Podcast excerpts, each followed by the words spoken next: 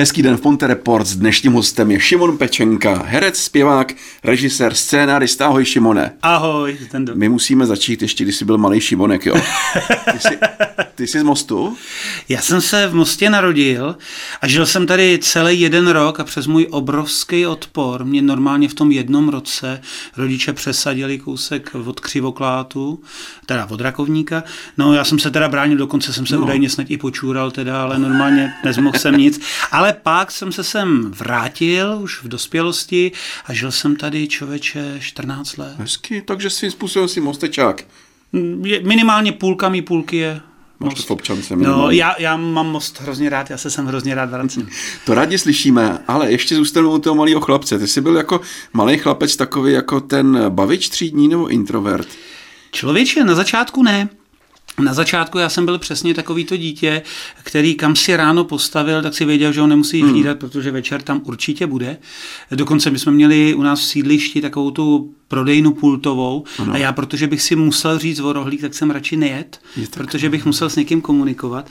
A pak někde já nevím, v šestý, v sedmý třídě se to nějak divně zvrhlo, no. a, ale to byl obrat opravdu ze dne na den téměř a všechno mě začalo bavit a, a stal se ze mě navenek teda hodně, hodně velký extrovert, ale ono to úplně pravda není. Já někde vzadu pořád zůstal takový ten z toho rohu hmm. a když uh, mám klid, tak já se schovám do toho růžku a tam je mi jo, dobře, tam si odpočívám. Jo, jo. A chodil jsi do nějaký zušky nebo lidové školy umění, tenkrát to asi bylo? E, člověče, já jsem strašně nechtěl. Nechtěl jsi? Nechtěl. Ono, co může člověku změnit život? My jsme měli takovou partu kámošů a, a chodili jsme hodně do přírody.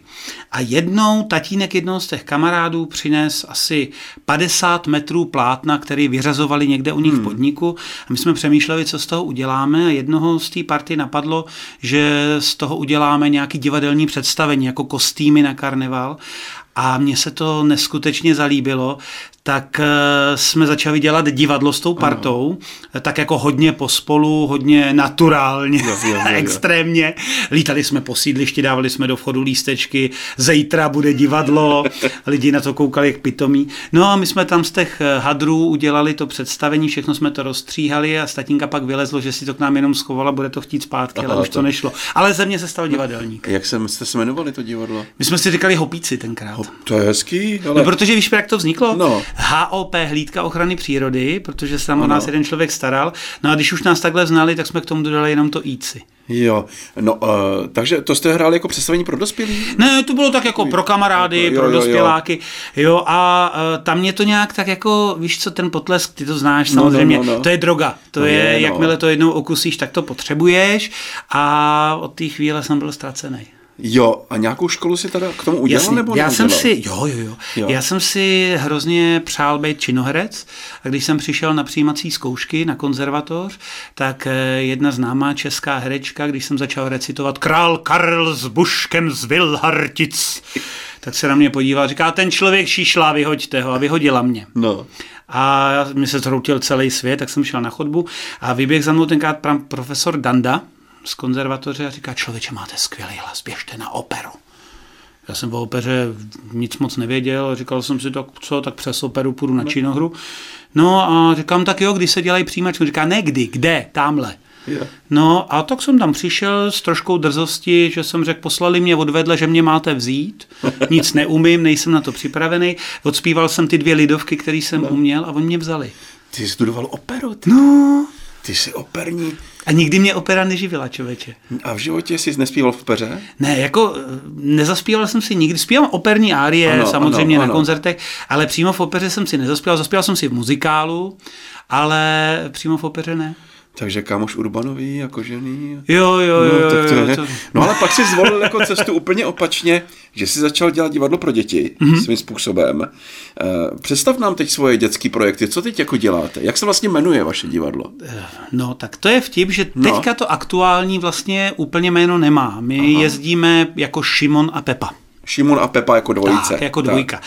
Ale první divadlo, který jsem měl na svědomí, hmm. tak bylo divadlo Rozmarínek a mohla za něj vlastně Štěpánka Haničincová. No, jasně. No. Protože já, když jsem byl na té konzervatoři, tak jsem eh, chodil na retoriku k Jeníkovi Přeučilovi jo. a tak jsem se setkal se Štěpánkou a úplně mě okouzlela a úplně moje první kroky na jevišti byly se Štěpánkou. No takže tam jsem získal vztah k dětem a okamžitě bylo jasný, že budu dělat pohádky. A proto rozmarínek, že jo, no, který no. Štěpánka vytvořila. Takže s tím jsme začítali v Mostě, člověče, a to byl rok 1996. Tak to už je hodně dlouho teda, ale jako eh, teď v tuhle chvíli Šimon a Pepa mm-hmm. hrajete pohádky, předpokládám. Taky. Jaká je nejúspěšnější vaše pohádka? Kterou hrajete nejdíl třeba? Vůbec nejdíl, tak vůbec nejdíl hrajeme, nebo já nejdíl hraju pohádku e, Kouzelná Lucerna, hmm. která je takovou parafrází na Andersena, ano, na jeho ano. křesadlo a v té pohádce já mám za sebou nějakých 1200 repríz Hezky. a hraju ji přes 20 let v různých nastudováních, ale ta moje role zůstala pořád stejná, mám tam roli čarodějnice a roli obra. Ano a zaspívám si tam a hrozně se v tom vyřádím. A takže ty si to i píšeš, ty scénáře. Ano, já si, já si píšu svoje. Hmm. Eh, vzniklo to teda na začátku trošku z praktických důvodů, hmm. protože autorské poplatky dneska nejsou úplně jednoduchý, eh, takže jsem si vzal většinou autory, který už se nemohli bránit jo. a upravil jsem si je, eh, tak říkajíc, do pusy. No ale vy v tom vašem divadle pro děti i zpíváte. Vy jste vydali CDčko Luční hity. Hmm tady čtu broučičí kapela, šnečí karavany v mraveništi. To znamená, to je, je inspirace z louky nějaký, předpokládám, Určitě. že si ležel na louce a dostal se inspiraci. Tohle už je druhý hudební dětský projekt, který jsem dělal a uh, já jsem přemýšlel, jaký téma si vybrat. No. A koukal jsem, že eh, ti zpěváci a zpěvačky, kteří dělají pro děti, jak většinou je to cirkus nebo školka, já jsem chtěl hmm. úplně odjinut, tak jsem se vlastně vrátil k prapůvodu, že do té přírody a říkal jsem si, že v přírodě je spousta zvuků a že to by bylo skvělé převést do písniček. A tak uh, jsem ráno šel venčit psa a bylo po dešti mm. a teď hmm. jsem tam viděl takovou dlouhou řadu šneků. A říkal jsem si, ty to je skvělý. Tak kam se ty šneci vydali? No možná někam na to nemusí schánět hotel mm. a tak. No a z toho vznikla uh, ta písnička Šnečí karavany. Nebo když se podíváš na mraveniště, tam od rána ten ruch, jak tam všichni něco nosej a přinášej a jeděj, jo, tak uh, zase ty mravenci, to je taková rozcvičková no. písnička. No a uh, to CD vzniklo ve spolupráci s Davidem Freedomem, to je skvělý muzikant, dělal třeba písničky pro Maxim Turbulence, no. spolupracuje s Michalem Davidem. Takže ty písničky, oni si na nic nehrajou. Hmm. Oni jsou takový hejbací, tancovací, ale kdo chce, tak si za těmi texty, které jsem tam napsal, eh, může v každé písničce najít něco, od čeho se může posunout dál. Je tam písnička, kde se děti učí počítat do deseti, hmm. je tam písnička, která je podle abecedy třeba jo, jo, jo. Eh, a tak dále, a tak dále. A ty tam zpíváš svým hlasem, nebo tam se snažíš i měnit hlas, jako že by si zpíval jako žížala, nebo... Ne, ne, ne, ne, ne jako ne, svým hlasem Tam zpíváš. zpívám svým hlasem a eh, ono tam vždycky trošku na pozadí ta opera zůstane, což je docela zajímavý v těch diskohitech, ale to se člověk neubrání. Takže já to tak jako na volno si řádím, ale no. e, přece tam na pozadí nějaký tento školení toho hlasu je slyšet. Můžeš nějaký referent, třeba nějaký písničky? Je.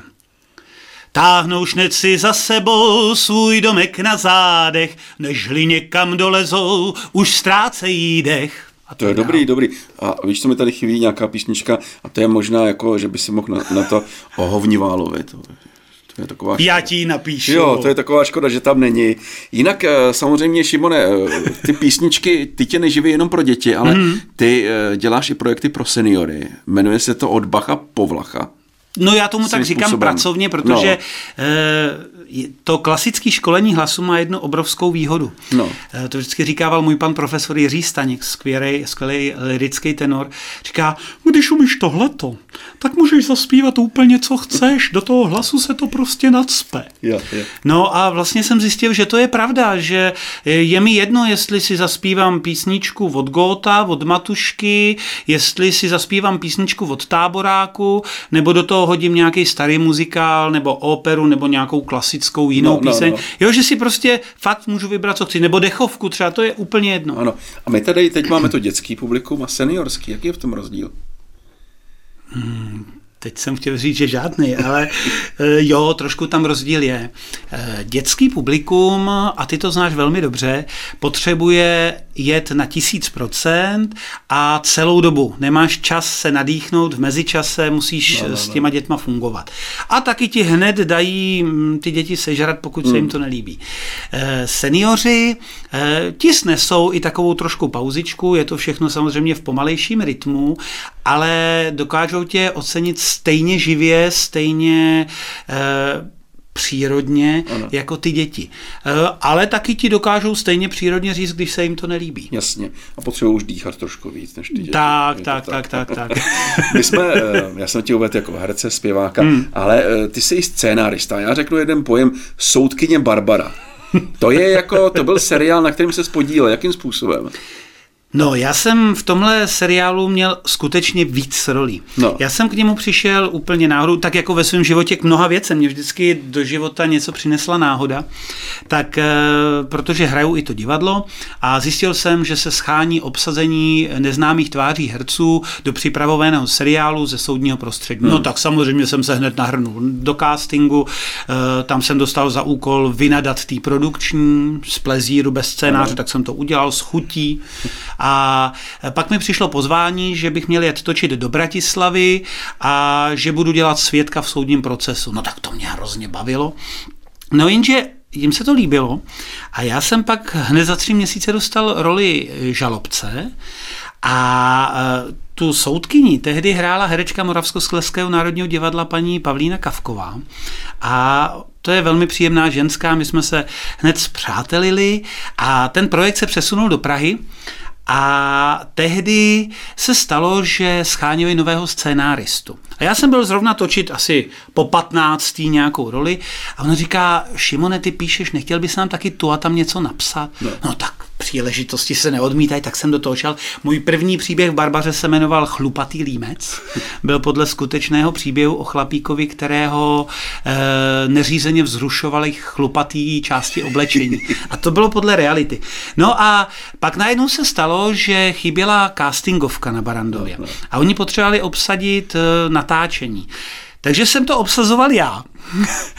E, a odpadla dramaturgině toho projektu.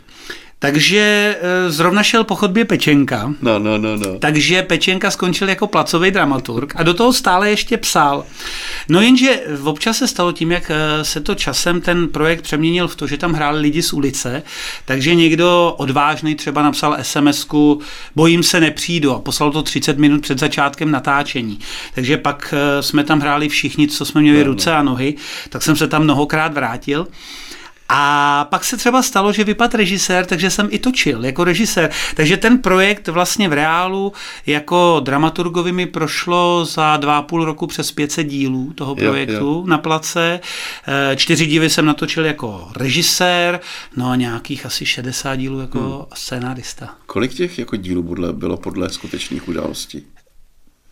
Člověče, těžko říct, protože v tu dobu, kdy jsem psal já, tak nás ty díly psalo 14 no, no, no, scénáristů. No. Já můžu mluvit za sebe. Já jsem si hledal třeba ve slovenských judikaturách, které jsou veřejně přístupné, samozřejmě bez jmen a to, jo, jo. a tam jsem se inspiroval.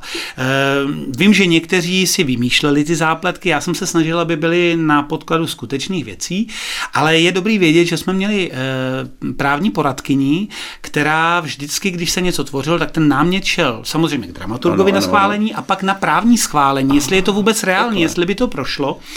A když se tvořil scénář, tak tahle právní poradkyně nám napsala úvodní řeči právníků a rozsudek. Jo, jo. Jenže vtip byl v tom, že i když ten kompletní scénář, který měl asi 50 stran, byl schválený a seděl tak, jak by se relativně odehrál u soudu. Samozřejmě koukejme na to jako na televizní no, no, show, no, no, no. klasický soud by byla nuda. Jenže pak přišel člověk z ulice, který se třeba leknul šesti kamer nebo se nenaučil scénář, ale my jsme to museli natočit. Točili jsme čtyři díly denně. No, no. Tak uh, pak tam vznikaly takový ty návodné otázky, kdy paní soudkyně říkala, no a uh, vy jste tehdy řekl to toto? Jo, jo. A ten blbec řekl, ne. Jo. jo? No. Takže i to se tam stávalo.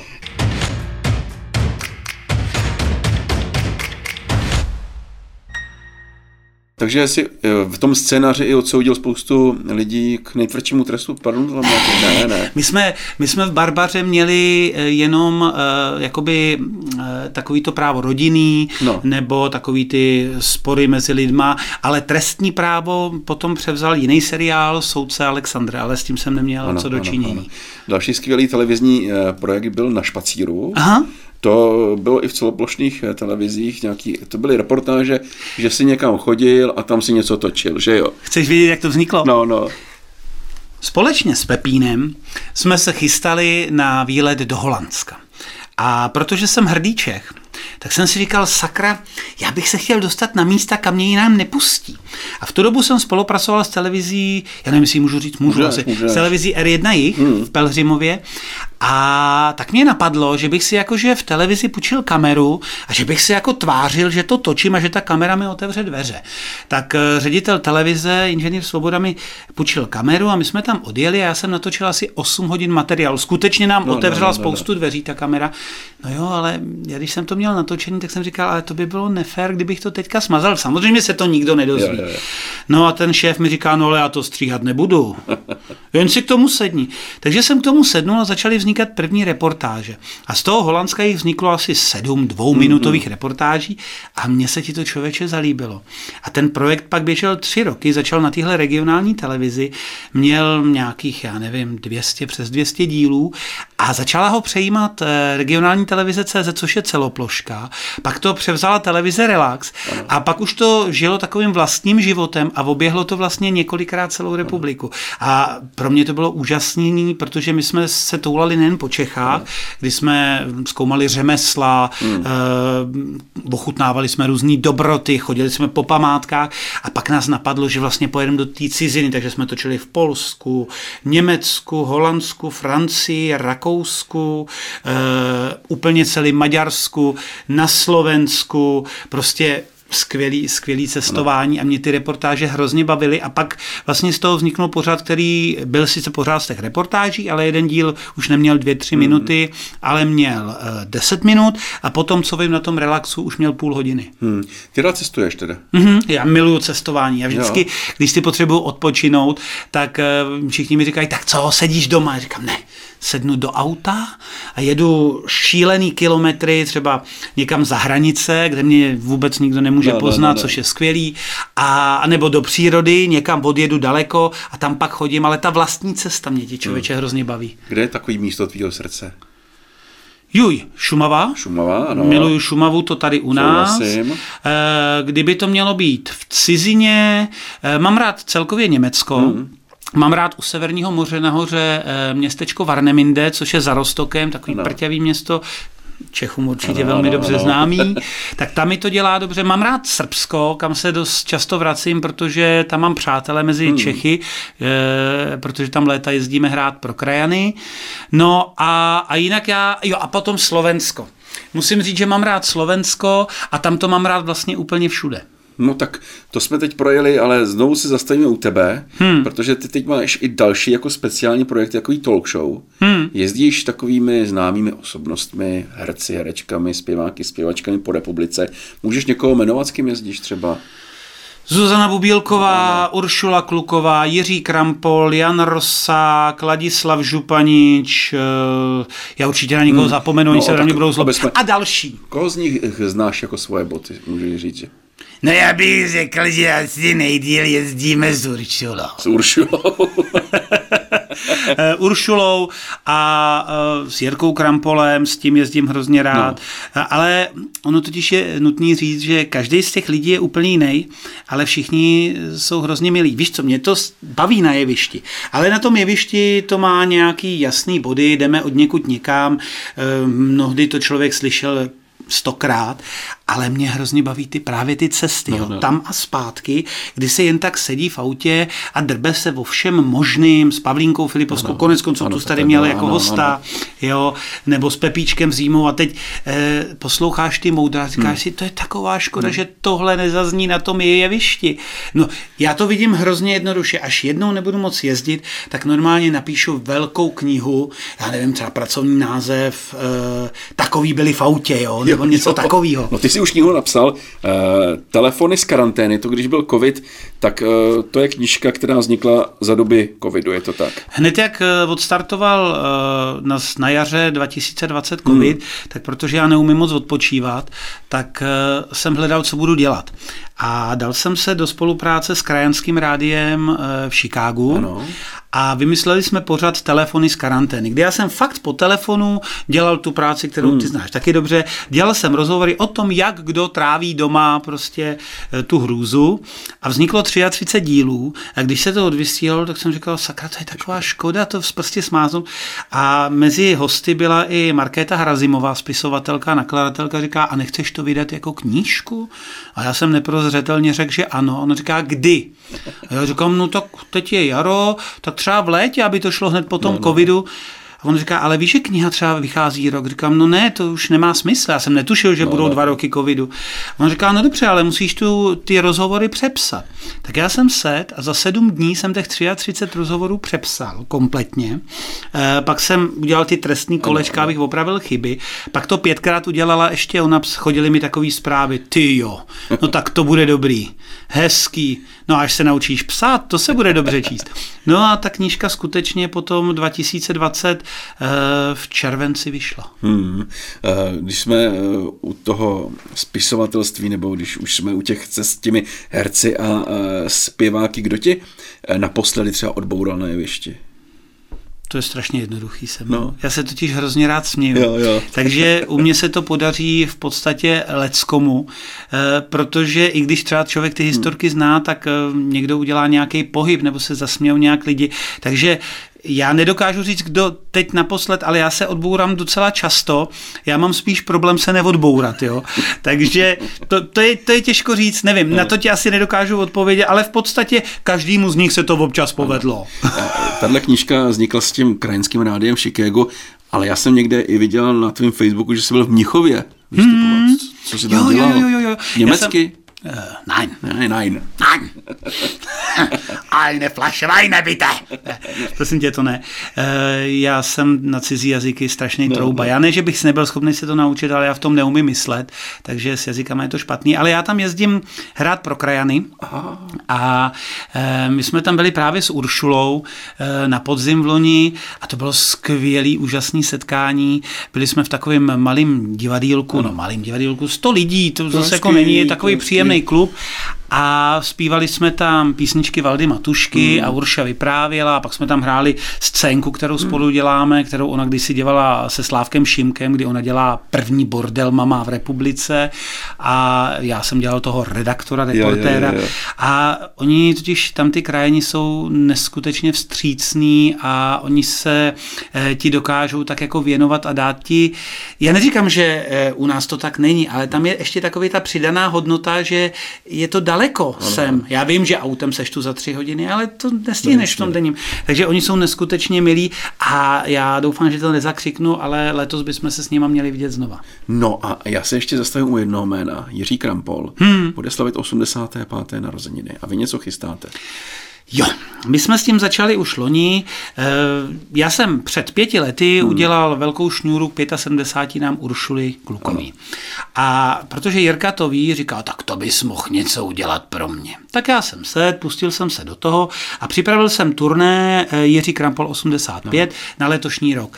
Eh, nezačalo nám to úplně nejlíp, protože Jirka tím, že má chronický zánět průdušek, tak trošičku teďka v tom chladu valíruje, takže jsme museli zahájení toho turné posunout až na 1. března, ano.